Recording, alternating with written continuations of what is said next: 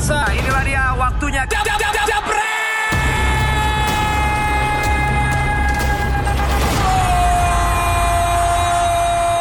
Oke, Jepret Lover, seperti janji saya tadi sudah hadir Yusuf Kurniawan malam hari ini bersama Fuad, Bandit-Bandit dan Hei. Ko Justin. Apaan sih nih? Oke, saya butuh klarifikasi seorang Juventini sejati. Klarifikasi apa? Itu kalau apa ya penalti itu layak apa tidak sebenarnya? Itu saya penalti. tidak, wah, iya walaupun handball atau ball to hand itu sesuatu yang bisa diperdebatkan di Italia, Iya, bukan, masalahnya- bukan haram itu kan? Iya, kan kalau Juve yang kontroversi itu jadi rame. Iya. Tapi kalau tim-tim lain diuntungkan karena penalti adem-adem aja tuh. Dan kemarin pas saya memang secara Masalahnya bukan berapa kali Milan dirugikan gara-gara penalti handsball di kotak penalti. Muntari, Eh, kita bahas Milan. Juve. Bodoh amat, ini dulu. Apa namanya? Jujur lah seorang Juventini itu layak gak sih orang nggak Layak, lihat enggak, itu? enggak, kemarin kan memang pas goyang siaran. Iya. gue lihat betul ketika wasit kemudian ra- ragu untuk apa eh, tidak mengesahkan. Kemudian dia datangi itu kan panel kamera kan, dilihat, Ah. diulang-ulang, dideketi, di zoom. Memang itu penalti. Kenapa? Karena saat Ronaldo melakukan cycle kick, itu bolanya pertama mengarah ke gawang dan kemudian berbelok arah karena ada tangan yang terbuka dari back Milan. Jadi memang penalti. Kan nggak lihat bolanya begini. Orang mau lompat masa nggak bisa angkat kaki, angkat tangannya nggak diangkat. Kalau bicara soal kontroversi itu, itu di Inggris lebih parah lagi. Oke. Liverpool. Di, di UCL lebih parah. lagi. Feldman diem kena bola, penalti, kartu. Ngerti nggak? Ja- jadi kontroversi ini terjadi di seluruh dunia yang menggunakan VAR. Iya, nah, tapi kan- ditambah, bentar, ditambah kalau seandainya wasit sudah ngelihat VAR, mau ngomong apa lagi? Iya, betul, betul. Itu kan bisa Seandainya tidak wasit disahkan. bikin kesalahan, seandainya itu menjadi debat, oke? Tapi kita lihat apakah wasit ini disanksi atau tidak. Oke. Kalau nggak disanksi ya wasitnya benar, fans aja ngeyel. Kalau menurut gue itu case-nya sama kayak waktu Nani kena kartu merah lawan Madrid 2012-2013 Ah, belum Champions ada League. VAR. Nah, Belum ada VAR. No, iya kita nggak cerita VAR. Maksudnya kalau gua walaupun gua bukan fans Juve, menurut gua sebenarnya itu tidak penalti walaupun bolanya ngarah ke gawang, benar lu bilang. Tapi balik lagi gua bilang, dia kan tidak melihat bola gitu. Tidak melihat bola, dia kan Nani yang dia ngangkat. Bentar gua selesai Iya, iya, dulu.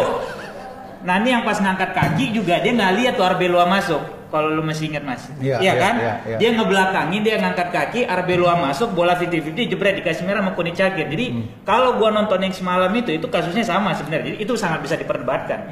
Fans Milan boleh marah-marah itu Hmm. Marah, sebenarnya. ya, iyalah. Iyalah. Sudah dikasih empat kartu kuning, masih belum cetak gol. Dikasih kartu merah Iya. Hernandez out, belum cetak gol juga. Dikasih voucher, akhirnya Mbappe penalti. Kosong-kosong terus itu. Akhirnya mana-mana Karena ya. gua bagi gua gua masih ngerasa VAR itu justru merusak per- keindahan permainan. Gue bilang bukan VAR yang merusak. Lah, VAR kalau itu- nggak ada VAR kan wasit nggak akan ke bentar, samping. bentar, bentar. Gue jelaskan. Bukan VAR yang merusak, tapi wasit yang belum paham untuk mengambil keputusan berdasarkan VAR. Usah jadi wasit. That is two different case. Ya, tapi tanpa toolsnya VAR tidak akan dong wasit ke sideline buat ngeliat atau dia ngecek gitu. Kalau seandainya tidak ada VAR, akan terjadi banyak kontroversial, terutama gol Inggris yang sudah 3 meter lawan Oh, itu Jerman. lawan Jerman 2014. Iya. Ya. Nah, hal, hal seperti itu akan terjadi. Ya nggak ada masalah. Masalah lah. Enggak lah. Nggak This bisa. game. sepak Kalau ada dunia tidak akan tahu hand of God. Sepak bola Betul. itu tetap Iya dong. iya. Iya. That's why sepak bola Enak itu harus fair. Maradona, bukan yang Thierry Henry. Salah, salah. Itu kejahatan jangan dibilang tangan Oh ya oke oke. kuat. Iya, betul. Itu kita Itu revisi. kejahatan. Betul. Itu, Itu tangan kejahatan. setan. Itu tangan setan itu Tangan bukan Iya, tangan setan bukan hand of God. Ya kan maksudnya kalau nggak ada VAR dunia nggak kenal itu dong Mas Yuki. Ya, that- Iya. That's why. Iya kan? Jadi kalau gua, gua masih penganut yang ortodoks bahwa VAR itu merusak keindahan permainan. Lu harus lihat, harus biarkan permainan itu ngalir dengan kontroversi dari wasitnya sendiri. Ya. The problem is kalau tidak ada VAR, kita pertanyakan wasit ini disuap atau tidak. Nah. nggak akan ada selesainya, Fuad. Iya, iya, iya, iya, iya. Tujuan VAR Di Indonesia tidak ada VAR, wasitnya lu cek diri. Indonesia lagi. Tujuan VAR salah satu adalah untuk mengurangi kesalahan human error dari wasit Oke. dan menghindari hal-hal seperti itu. Mengurangi kesalahan. Suap, suap, suap dan kesalahan. mengurangi bahwa itu tidak perfect. Ya, gue setuju. Cuman VAR ini kan belum lama, ngerti nggak? Terutama di Inggris kesalahan itu setiap minggu terjadi. Enggak, minggu lalu nggak ada. Minggu lalu nggak ada liga. Nggak ada, ada main. Belum aja. Ya, Dua minggu iya. kosong nih. Dua minggu, Ja- minggu lalu ada. Jadi intinya lebih parah lagi kan kalau nyaris. Oke. Nyaris tiap minggu ada ada kesalahan yang dilakukan oleh wasit. Nah, bahwa ini seka- sekali kejadian asumsi itu debatable, tapi kalau wasit sudah ke samping, sudah melihat, sudah mengambil keputusan, ya harus terima aja. Kayak Milan nggak pernah diuntungkan aja. Iya. Cia, ngeri statement closing lu. Dengerin ya, gue punya data sedikit ya. Nah, Oke. Yang paling sering disorotkan Juve kan dapat penalti. Lu tahu siapa tim yang paling banyak dapat penalti musim ini? Lazio 13 kali penalti. Musim Milan ini 7 ya? kali penalti. Nah. jadi jangan Tapi nggak ada yang kontroversial. Kan ujungnya kan Menurut fans juga. Milan. Ada 2 3 kali dapat diuntungkan jadi menang penalti Menurut itu. fans Milan nggak kontroversial. Ronaldo ingin memecahkan rekor, itu aja intinya. Nah, yang yang menarik sebenarnya gini, kalau di Inggris itu kan sering sekali disebut bahwa uh, VAR itu lebih berpihak kepada tim yang bertahan. Oke. ya kan? Ternyata itu sekarang dipatahkan di Itali. Ternyata kalau tim yang bertahan pun juga melakukan kesalahan, itu juga VAR bisa berlaku loh. Hmm. Jadi sebenarnya memang lebih kepada subjektivitas wasit melihat Iya, itu. betul. Kalau menurut gua kalau tangan itu nggak memuka, itu bola pasti mengarah ke gawang. Mana Artinya lihat, oh, itu dia kan menghadap ke sana bola di belakang. bolanya gawang kalau itu That- setuju iya, punya kita that Memang bolanya ke gawang gitu loh. That Cuma is the point. Kalau Sekarang- bilang dia nggak ngelihat aja. Sekarang yang menjadi kontroversi dan itu bukan salah wasit juga, salah UEFA menjelaskan kapan penalti atau tidak. Ini Oke. ini masih mending agak kebuka. Feldman lawan Chelsea diem, di syuting kena tangan dikasih kuning penalti. Oke. Lebih parah lagi itu. Itu harusnya bisa dirubah kalau aturan ini sebaiknya dirubah Nah, ya. itu dia yang merubah itu kan Kalau UEFA. FIFA. Oke, itu kan menurut- sama kayak penalti. Bola sebelum disentuh nggak boleh keluar dari gawang, dibiarin. Oke, ini ada yang komen nih. Apa teh? Oke, menurut Coach Yassin ini bukan salah wasit, justru salah UEFA. Oke, ini ini yang gue bacain malah berarti. Goblok. Oke. Sejak ada VAR, MU susah menang. Ya iyalah, bukan MU susah menang. Bentar, MU susah menang semenjak hardware pensiun. Udah biar lu puas aja. Udah itu aja lah biar lu puas kan gitu. Lu kan kardus. Kagak ngaruh. Oke. Eh, eh, ya masih debatable lah nih ya keputusan. Ya eh, kan ba- itu kan opini kan jadinya kan. Kalau Justin iya, kan iya. setuju dengan VAR. Kalau gue tetap gue bilang gue nggak Nggak setuju, setuju. karena bagi gue ya itu tadi merusak keindahan permainan sama bagi gue memang Tuhan di lapangan hijau itu ya cuma wasit dia yang nentuin benar atau salah tanpa ada alat bantu. Gimana Om Yuki? Itu kalau menurut gue. Setuju nggak setuju? Apa memang harus direvisi peraturan dari UEFA? Sekarang harus gimana? tuntutan olahraga itu semakin tinggi ya. Supporter ingin apa namanya fairness, Fairness, itu sportivitas. lebih, lebih apa ya lebih presisi lah. Walaupun nggak sempurna juga teknologi nggak bisa salah. Karena tuntutan seperti itu kita harus mengikuti zaman lah. Sekarang yang te- tenis aja, Badminton. badminton itu juga. Badminton udah udah lama menggunakan duluan teknologi. kan. Tenis Iya, hoki udah iya, lama iya. gitu loh. Ya artinya kita memang udah mengarah ke sana gitu. Oke. Cuma kalau yang badminton tenis tuh benar-benar dilihat tuh bolanya garis atau enggak kan itu doang sesimpel itu Iya. kan gitu. Nah buat eh, jebret lovers yang setuju dengan pendapat Jupe, UK, Jupe, itu silakan kasih jempol. Buat pendapatnya Fuad nggak perlu ada VAR, silakan kasih plus dengan Kojesin minus ya. Oke, Kok gue minus? coba. ya kan ada plus minus. Oke, yang setuju UK ada di sini jempol aja deh. Atau UK bakal out. Oke. Gua out ya. Jangan dulu, kita tanya Janjinya 5 menit loh. kita kita kita tanya sama jebret lovers setuju gak UK tetap di sini Banyak Oke. min kan? Oh Nah, jangan. kalau setuju kasih jempol oh banyak tuh Nah. Eh perjanjiannya tadi cuma 5 menit. Ah, absennya dua kali mau nggak? Enggak, enggak, enggak. Ada ya, oke. Ada pertanyaan satu lagi nih. Tetap ya, jempol lagi ditunggu. Oke. Nah, nih ngomongin ngomongin Zie nih. Kemarin Coach Justin bilang belum ada bukti. Oke, ini sekarang eh Belum ada bukti apa? ya itu Zie ke Chelsea. Udah kan? Udah. Iya, lo kemarin sama gua hari Rabu. Dua hari yang lalu, Belum, belum. dua hari Baru lalu kemarin, ya. Ya, oke. Ini kemarin juga Bu Mider mengatakan ngapain sih beli Zie menumpuk pemain tengah di Chelsea sendiri. Ini menurut kalian gimana dengan kehadirannya Zie? Kok Jasin? Sebenarnya gini, Hmm, kita semua tahu, ya at least gue tahu kelemahan Ziyech dan kelebihan Ziyech. Oke. That's why itu gue pertanyakan, apakah dia cocok? Gue tidak pernah bilang bahwa dia tidak cocok. Oke, seperti fans Chelsea yang nyerang gue dibilang atau lu satu lu buta nggak bisa ngelihat, dua lu bu- tolol nggak nggak nggak bisa ngerti. Oke, gue tidak pernah bilang bahwa dia tidak cocok. Gue bilang ada kemungkinan besar dia tidak cocok karena karakternya seorang Ziyech Ziyech. itu berbeda dengan gaya permainannya Lampard. Lampard, Oke. oke. Salah satu contoh pada saat mereka menyerang, transisi diserang balik itu pemain Chelsea harus regroup, cepat kembali. Ziyech itu nggak bisa main kayak begitu. Karena he's too, he's too slow. Tapi dia selalu di Ajax ya, bermain di sayap kanan, selalu punya end passing yang bagus. Nah, kalau lu lihat lihat gaya bermain Ajax itu udah kayak Barcelona kayak City. Banyak bangun serangan, bola-bola pendek, banyak set play, banyak kombinasi di area sepertiga eh, lapangan. Chelsea nggak pernah main kayak gitu. Nyaris tidak pernah. Chelsea lebih direct, shooting dari lini kedua dan lain. Bukan sekali lagi sekarang kan pertanyaannya kan adalah apakah Lampard bisa mengadaptasikan strateginya ke Ziyech atau harus meng- beradaptasi. beradaptasi kepada strateginya Lampard. Ini ini yang menjadi pertanyaan dan ini yang gue masih pertanyakan yes or no. Oke. Itu aja. Tapi kita tongkannya gimana? Oke, setuju dengan, dengan tambahan Coach Justin?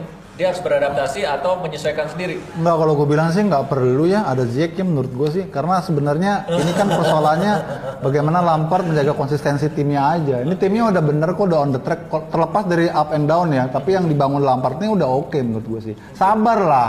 Ini kan baru baru pertama Lampard eh, boleh dibilang Baru enam eh, bulan eh, malah. baru enam bulan jadi jangan dijudge harus datengin pemain baru tuntutannya tinggi harus masuk eh, apa namanya ke paparan segala macam. Saya kira nantilah itu ada saatnya gitu loh. Terlalu Apalagi- cepet lah menurut gue sih. Kepanikan seorang Chelsea untuk belanja pemain transfer utama eh, si Lampard kan di nanti di musim ini gimana? Enggak lah, maksud gua ini kan dia jangan Sesuai dengan eh, kebutuhan. Iya, karena kan bisa jadi Ziyech ini mungkin belum tentu jadi pemain utama, bisa jadi pelapis dulu. Oke. Karena mungkin dia akan jual William yang udah mungkin umurnya udah ketuaan, udah nggak cocok gitu kan. Dan eh, apa yang dilakukan Lampard menurut gua sih pas.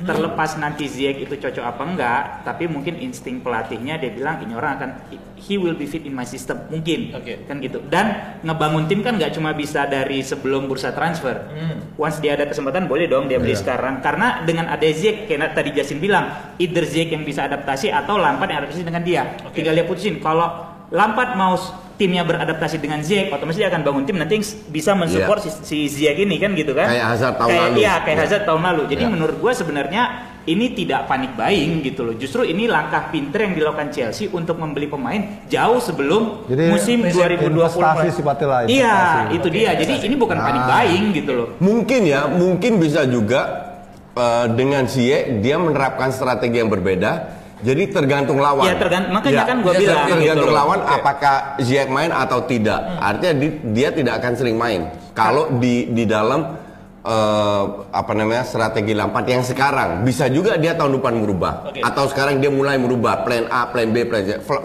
Lampard ini kan pelatih pinter, ya kan?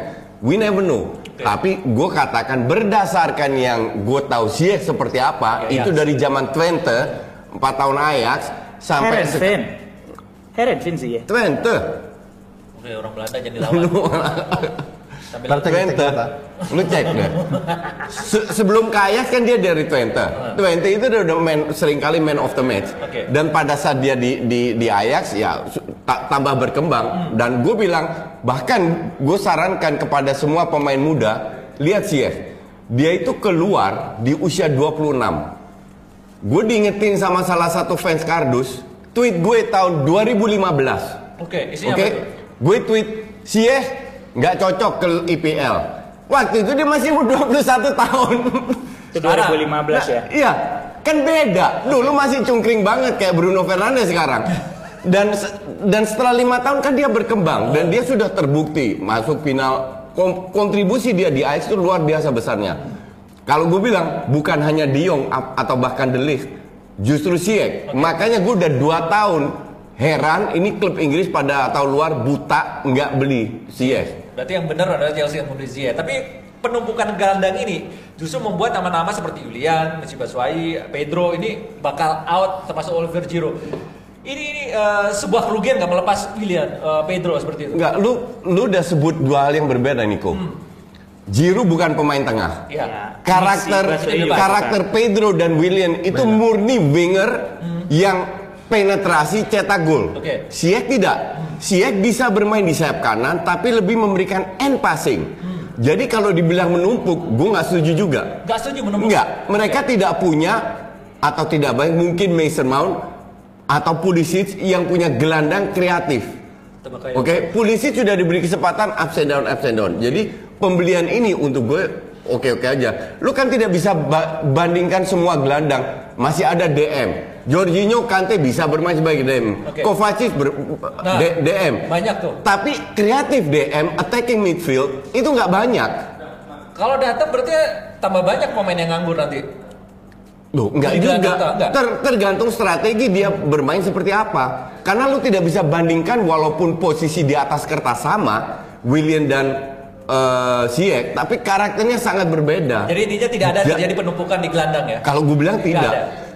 Setuju, tidak ada terjadi penumpukan di tidak ada gelandang kreatif. Chelsea, ya. Ya, Mungkin kalau dua. tidak ada gelandang kreatif sih benar, tapi kalau numpuk bisa jadi walaupun gaya mainnya beda, dia sama si William kan sama berposisi di wing kanan kan Ah. gitu. Plus mungkin yang jadi contoh juga pembelian Pulisic ya.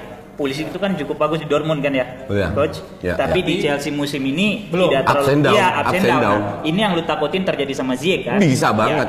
Ya, Ya. tadi gua ralat, dia sebelum Twente di Herenveen gitu. Jadi Herenveen Oke. Twente baru Ajax gitu. Ya lagi terlepas dari itu kan biasa ya Pak Niko kalau tim-tim Inggris ini beli pemain banyak gitu kan karena dia kan kompetisi yang diikuti kan Padat ya, banyak jadi panjang. dan dia juga punya strategi apa nama investasi pemain-pemain muda kan ntar dia bisa barter lah dia bisa loan segala macem tapi terlepas dari isu ini gue kok kemudian pikiran gue lari ya Apa? ini kan banyak pemain-pemain Ayak yang kemarin sukses bawa tim ini sampai semifinal ya Tin Iya. itu kan sekarang kemudian beredar di, di, di- apa di klub Iya. besar kan Dan ah, dan tidak terlihat seperti misalnya fenomena waktu zamannya Ayak 94, juara 95. betul. Ya. Itu kan pindahnya Milan tuh. satu gerbong ya pindahnya ya ke Barcelona, ke Milan. Milan, itu kan memang eh, nggak satu Jadi dua. semua. Jadi jadi kayaknya pemain-pemain Ayak ini nggak bisa dia berangkat sendiri-sendiri misah, tapi dia harus tetap ada Satu bondingnya. Paling nggak 3-4 orang gitu. Jadi dia bisa ngerti mainnya. Kan kalau sekarang De Jong belum terlalu kelihatan. Beli. Kemudian De Ligt juga di Juventus Mati ya, angin ya ya. begitu aja. Sekarang lagi tambah Ziyech. Gue pikir sih nggak tahu Tin lu mungkin punya analisa lain, tapi menurut gue sih ini berbeda banget. Exodusnya kalau Ayak tuh harusnya sekalian Satu paket. Satu paket. Enggak, gue Kayak dulu Nah. dia di Barcelona, Ah, tuh Resinger, iya, ada- Nggak, nggak. Overmars, Frank sama Iya, Ronald. iya, iya. gini. Di Milan eh, Bogart ya. Iya, Bogarde. Sama Memang idealnya UK bener. Idealnya satu gerbong. Cuman ini sepak bola. Apalagi zaman sekarang industri sudah sangat materialistis, tidak bisa dilakukan itu. Ujungnya sa- satu persatu. Tapi jangan lupa De Ligt itu baru 19 tahun loh. Iya, iya. Ngerti nggak? Yes. Justru dengan usia segitu, apa yang dia capai sudah luar biasa. Nggak di timnas, nggak di Juve, nggak di Ajax. Oke? At- Dan dia masih butuh waktu untuk berkembang, untuk jadi lebih bagus lagi.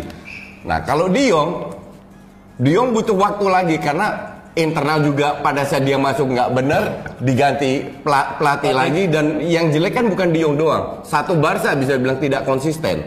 Nah, kalau kita bicara Ziyech, dia pergi di usia yang matang.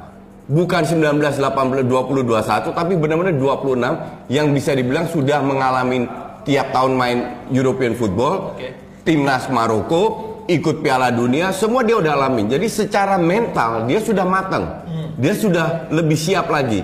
Tapi kembali lagi, pemain yang kreatif itu sulit diatur. Kayak artis lah i- ibaratnya. Lu nggak bisa atur ya tergantung mood dia aja. Iya kan? Iya, iya. Nah, gue setuju. Untuk gue masih tanda tanya besar. Apakah Siak bisa ber, ber-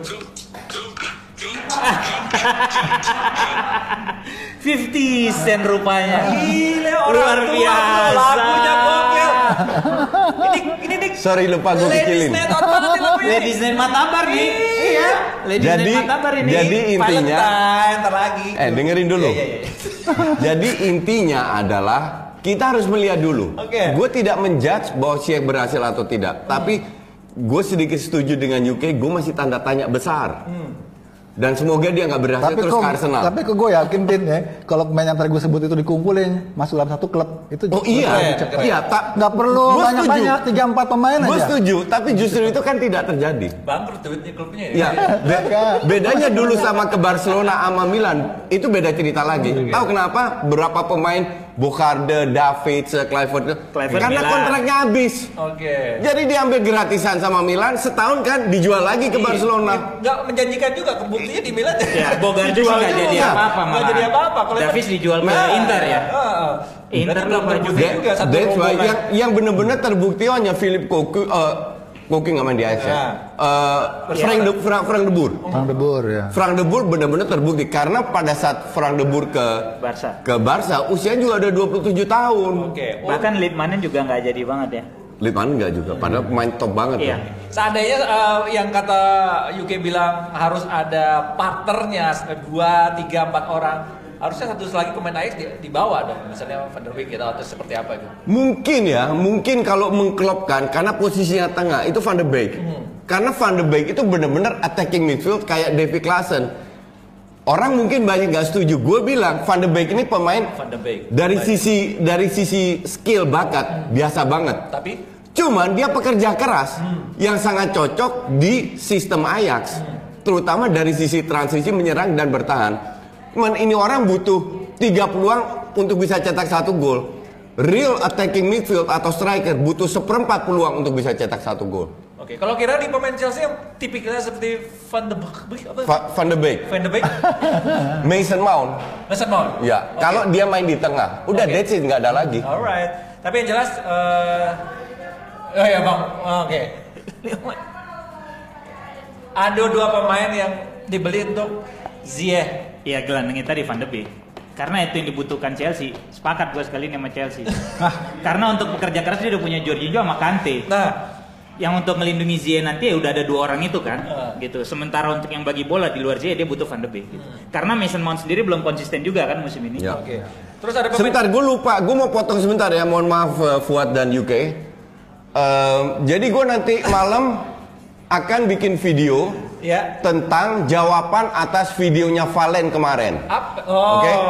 Valen kemarin bikin video tentang Mills dan di situ banyak sekali pertanyaan yang kalau gue bilang ini video mewakili banyak sekali fans sepak bola timnas. Kalian nonton video itu, Coba ada nanti gue beri jawaban di video gue di Just Talk. Hmm. Oke, nanti ka- tapi se- sebelum kalian nonton di Just Talk dulu harus nonton videonya Valen biar tahu apa yang gue bahas. Nah, Ntar ini- gue ngomong lu nggak nggak nggak nggak paham. Ya, ini cocok nggak? Oke. ini coach, ini dia juga mau diincar sama Chelsea. Kesayangan, kesayangannya Mau Justin. diincar sama Chelsea. Sepatu kaca. Kaki kaca katanya. Dia nggak dilepas. Nggak dilepas. Enggak, enggak akan dilepas. Tolol Barca kalau lepas dia. Orang kaki kaca itu. I don't care. Iya. Kemarin udah gue jelaskan kenapa. Iya iya iya, udah udah dijelasin. Sama ya. lu, Fuad. Iya, kita di kedua hari yang Iya, lalu. iya. Oke, secara menurut menurut, menurut Om Yuke. Udah kebanyakan lepas aja lah. Enggak. Dia dia untuk gue one of the best player secara skill, secara visi bahwa dia sekarang kan kita berandai-andai. Kita harus tahu cederanya itu seperti apa. Apa alasan? Nah, salah satu alasan yang gue baca adalah dia kurang bisa jaga badannya, sering Udah. main game malam-malam. Iya iya, udah udah Oke, di- jadi udah kurang tidur, jelasin. jadi rentan cedera. Nah, semoga dengan kasus ini dia berubah, dia bisa lebih jaga badannya sehingga tidak terjadi banyak ce- cedera lagi dan dia bisa memberi kontribusi ke Barca. Oke, dengerin ya Dembele ya. Kalau yang ini bagaimana? Beli- Siapa ini? Beli gak? Ini ditaksir MU nih kemarin. Ya udah kalau MU monggo. Ah, ini ditaksir ini nih. Oke. Gue nggak tahu Iya. itu siapa. Hah, lu nggak tahu siapa? Berarti ada hal yang nggak lu tahu di sepak bola juga ya? Ada. Iya, iya. Siapa? Kasih tau dong. Itu siapa? Billingham Main di mana? main di Birmingham ya. Birmingham. Sempat kemarin di- Championship. Januari itu isunya mau dibeli Lu tahu sampai dari 20 mana juta. dia bagus? Main di Championship nggak Gini disiarin. gini, lu tahu dari mana dia nggak bagus? Lu aja nonton nggak? Nggak tahu, gua Ya, nggak ya udah itu aja. nggak. Lu nggak bisa lu nggak bisa ngejudge orang lu tahu dari mana dia bagus apa enggak karena dia main di Champions sementara lu nggak nonton. Gue gue bilang. Jadi opini lu Nggak. jangan terlalu paksa Nggak, juga. Nggak, nggak, nggak, nggak, nggak, nggak, nggak. Loh, kok Gua- nggak? Bentar, let me finish. Oke. Gue tidak bilang dia tidak bagus. Gue hanya bilang tahu dari mana dia bagus. Oke, bukan berarti gue bilang dia dia tidak bagus. Beda dong. Karena banyak yang tidak bukan lu aja, banyak yang tidak bisa menonton dia. Jadi kalau gue ngomong jangan dipelintir kayak fans kardus. Kan lu bilang lu tahu dari mana dia bagus. Exactly. Kan Iya. bukan bukan berarti itu kesimpulan lu bahwa gue bilang dia tidak bagus, tapi karena kalimat itu tidak pernah gue keluarkan dari mulut gue. Bukan gitu coach. Ini Rando sudah dikasih dari tadi siang. Harusnya lu baca coach. Itu ada nama Bellingham. Lu harus baca riset. Nah itu. Aduh kardus gue. Eh. Lu lihat dari mana sekarang? YouTube pun gue rasa nggak ada. Ya enggak. Ada ada pasti ada YouTube-nya. Gita, gue berapa lama lagi di sini nih? Kalau masih UK setuju di sini kasih jempolnya lagi dong. Oke, bahas, bahas, bahas yang lain. Oke, bahas yang lain. Oh, masih penting soal banget. Bellingham nggak? Oke, Om UK, ini soal Bellingham dong. Wah, gue gak ngerti tuh. Nah, UK lagi lu tanya. Gua jawab apa adanya gue gak ngerti Iya. dan nggak menarik juga karena belum jadi sorotan juga. Tunggulah dia sampai memang ada yang Jadi menarik. ya. Iya. U- UK fokus di Liga 1 sama Serie A udah selesai. Injury time-nya kelamaan ya. Gue gak dikasih rundown, gue gak bisa ngomong. Eh di sini di, di sini nggak butuh rundown. Semua dikasih rundown, nggak dibaca nggak ngerti Bellingham. Kok Justin tuh dari siang dikasih Bellingham? Di sini-. Oke. Bukan Oke, ada komen katanya Coach Justin eh, keren. Hari ini Bang Fuad keren. Komennya Ah. makin ini katanya makin ngegas. Oke. Terus ada komen lagi. Oh, ada yang nanya siapa yang bisa menggantikan peran Messi nantinya di Barca jika dia tidak di, tidak, tidak lagi di Barca? Nggak ada. Gak ada. Messi seperti Ronaldo irreplaceable, tidak tergantikan. Oke.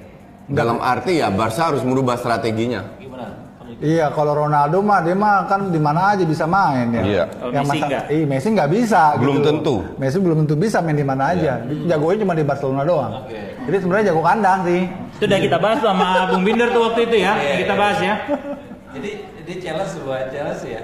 Oke udah ngomongin si siapa Messi, kita ngomongin Ya. Chelsea tadi yang sempat dibahas. Thank you Nesa mau di Thank sini. Nesa mau di sini jempol dong. Aku nah, nungguin jebreter saja mau ngirim coklat ke pancoran Asik. ya. Eh, kode keras pancoran ya. Oke. Chelsea lawan MU prediksi. Uh, Chelsea MU. Yes. Main di Chelsea ya? Eh, mainnya di Chelsea. Chelsea ya. kan? Iya, main di Chelsea. Gue jagoin Chelsea lah. Wow, nggak bisa. Dia jagoin. Chelsea, gue seri, dia jagoin Ada MU. Udah cocok. Fernandes sih kalau nggak bisa jagoin Chelsea. Bentar-bentar pakai baju biru nih. Nah, Gue lihat MU nggak ada menariknya soalnya sih. Iya. Setuju. Setuju. Hati-hati udah makan. habisin dulu. Habisin deh simpan tenaga deh untuk ngegas. Lagi digoyang Pogba mau balik ke Juventus lagi. Ah, bye. Iya memang apa namanya MU itu kalau lawan tim-tim besar hasilnya juga bagus. Gua akuin itu. Tapi nggak bisa selalu seperti itu. Ada saatnya juga dia flop dan sekarang memang lagi flop, lagi jelek-jeleknya nih. Jangan ngarep lagi keberuntungan dua dua dua dua kali Ada gitu. Bruno, ada pemain-pemain barunya ada dua. Ya Bruno emang bisa ngubah semua kondisi tim. Menang baik bang. Enggak, ta- Bung, Yu- Bung Yuke bilang kan eh, menang apa? Menang Chelsea ya. Dia bilang ya karena MU tidak menarik. Ya satu itu satu sisi gua itu setuju. MU tuh kurang menarik memang ya. Cenderung bikin bosen. Gua aja fansnya kalau nggak bisa tidur gua nonton MU supaya gua ngantuk. Ya. Cuma di bulan Desember nih kan mereka udah beli makeup pak. Mereka udah beli lipen nih yang merah nih. Ah, kalau udah dipakein lipen, cewek mau gimana pun akan menarik. Iya, iya, iya. Dan udah terbukti ditaruh di satu tempat Merlon Wolf, mantap mainnya. Oke. Ya. Dan kalau kita tadi Mas juga bilang C- MU itu setiap lawan tim besar bagus, ya udah jelas lah. Chelsea ini sebenarnya bukan tim besar. Ah jadi Iya kan? Mungkin bisa jadi nggak menang, tapi dari sisi peringkat emang Chelsea kan di atas.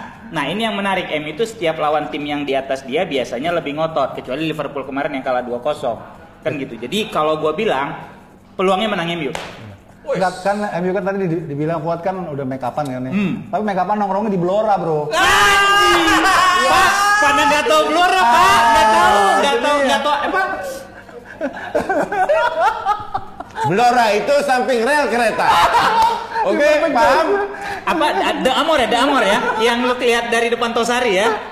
Kelihatan banget tuh. Gila orang tua mana ke situ Blora sama The Amor parah. Sampai menggambarkan enak nongkrong banget di sana ya. Soalnya kalau gue bilang blok M terlalu ketinggian bro Nah, grade-nya. iya, iya. Kita kan Kalau- agak minggir kan. Kembali ke laptop. Jadi gue gue setuju. Gue harap Chelsea belajar dari kesalahan. Jangan Partai pertama. Dari partai pertama jangan kena counter. Intinya sih itu. Oke. Kalau sana bisa, kalau gue bilang sih seri ya. Seri. Iya. Prediksinya seri. Ya kalau gue sih terusan gue nggak akan objektif di sini. Gue akan bilang MU menang karena harapan gue di situ, Harapan gitu loh. ya. Jadi lu nggak bisa berharap gue objektif sama kayak Justin yang kita hari Selasa. Dia juga bilang kok dia nggak objektif kan yang saat itu kan. Jadi eh, kalau Chelsea dibiarkan menguasai permainan dan statistik MU musim ini setiap dia menguasai bola lebih sedikit, Lebih dia menang. punya, iya Punya dia punya dia punya kans menang lebih banyak gitu loh. Jadi kalau misalnya Chelsea eh, mungkin mainnya lebih sabar, membiarkan Ya. ini menguasai, bisa jadi itu akan Chelsea yang menang. menurut. Tapi kalau Chelsea naif seperti main pertama, putus. Selesai. Apalagi kalau lu lihat kan waktu lawan Wolves itu kan mulai ada sedikit sparkle nih di MU. Dari Fernandes dia bisa pinpoint bola, iya kan? Dia bisa ngebelah dari back, bahkan yang dia bisa ngatur temen-temennya udah. Plus satu lagi gue berharap McTominay main. Oke. Karena kalau McTominay main, gue berharap MU main pakai 3-4-3. Karena proven dengan 3 back mereka cuma kalah terakhir lawan eh, Liverpool kemarin Iya, ya. iya, iya. Dan walaupun dia mulai pakai di apa eh, partai pertama lawan Liverpool, bagi gue itu cukup proven dan itu yang bisa diakomodir dengan pemain-pemain MU sekarang gitu loh. Rashford belum bisa main kan? Belum, Rashford lama Pak sampai April kalau nggak salah. makanya itu juga handicap lain tuh. Iya. Selama ini kan terlalu ngandelin Rashford kan. Nah. Kedua ngandelin lari sebenarnya sih. Ya itu dia yang MU punya kan, makanya dia bisa counter attack kan. Aturan MU main ini apa lomba atletik aja, jangan main bola ya. Yang pembinanya Bob Hasan Pak. Iya. Pemain penggantinya Rashford di depan nanti. oh, Martial, dia akan pemain ke Martial. Itu pemain baru satu lagi lagi di karantina. Nah itu lucu tuh, gue takut kasusnya kayak Obi Mikel tuh. Enggak. Itu semua pendatang dari China harus di Pak, coba jangan terlalu serius dulu Pak. Itu semua orang juga udah tahu. Yang datang dari China harus diinkubasi 14 hari. Semua tahu. Iya, maksud gua nggak usah terlalu serius dulu. Ini kan dulu? bilang kasusnya bisa sama kayak Obi Mikel. Obi Mikel tuh udah foto pakai jersey MU, udah tanda tangan terima duit. Kaburnya ke mana? Ke Chelsea kaburnya setahun dia nggak bisa main gitu loh. Gue curiga Igalo gitu ntar kaburnya ke Birmingham nih.